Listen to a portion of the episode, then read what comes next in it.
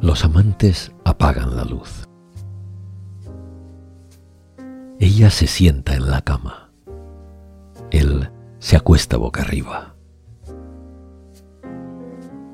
Casi de forma sincronizada cierran los ojos. Empiezan a decirse algunas frases tímidas y a tocarse.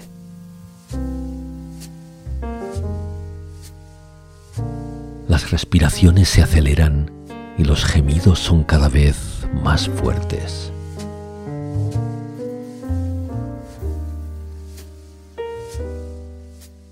En la oscuridad del cuarto, cada uno puede sentir el cuerpo del otro de una forma que hacía mucho que no sentían.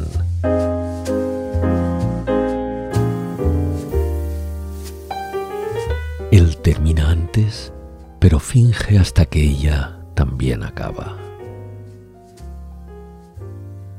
Luego se despiden y cuelgan.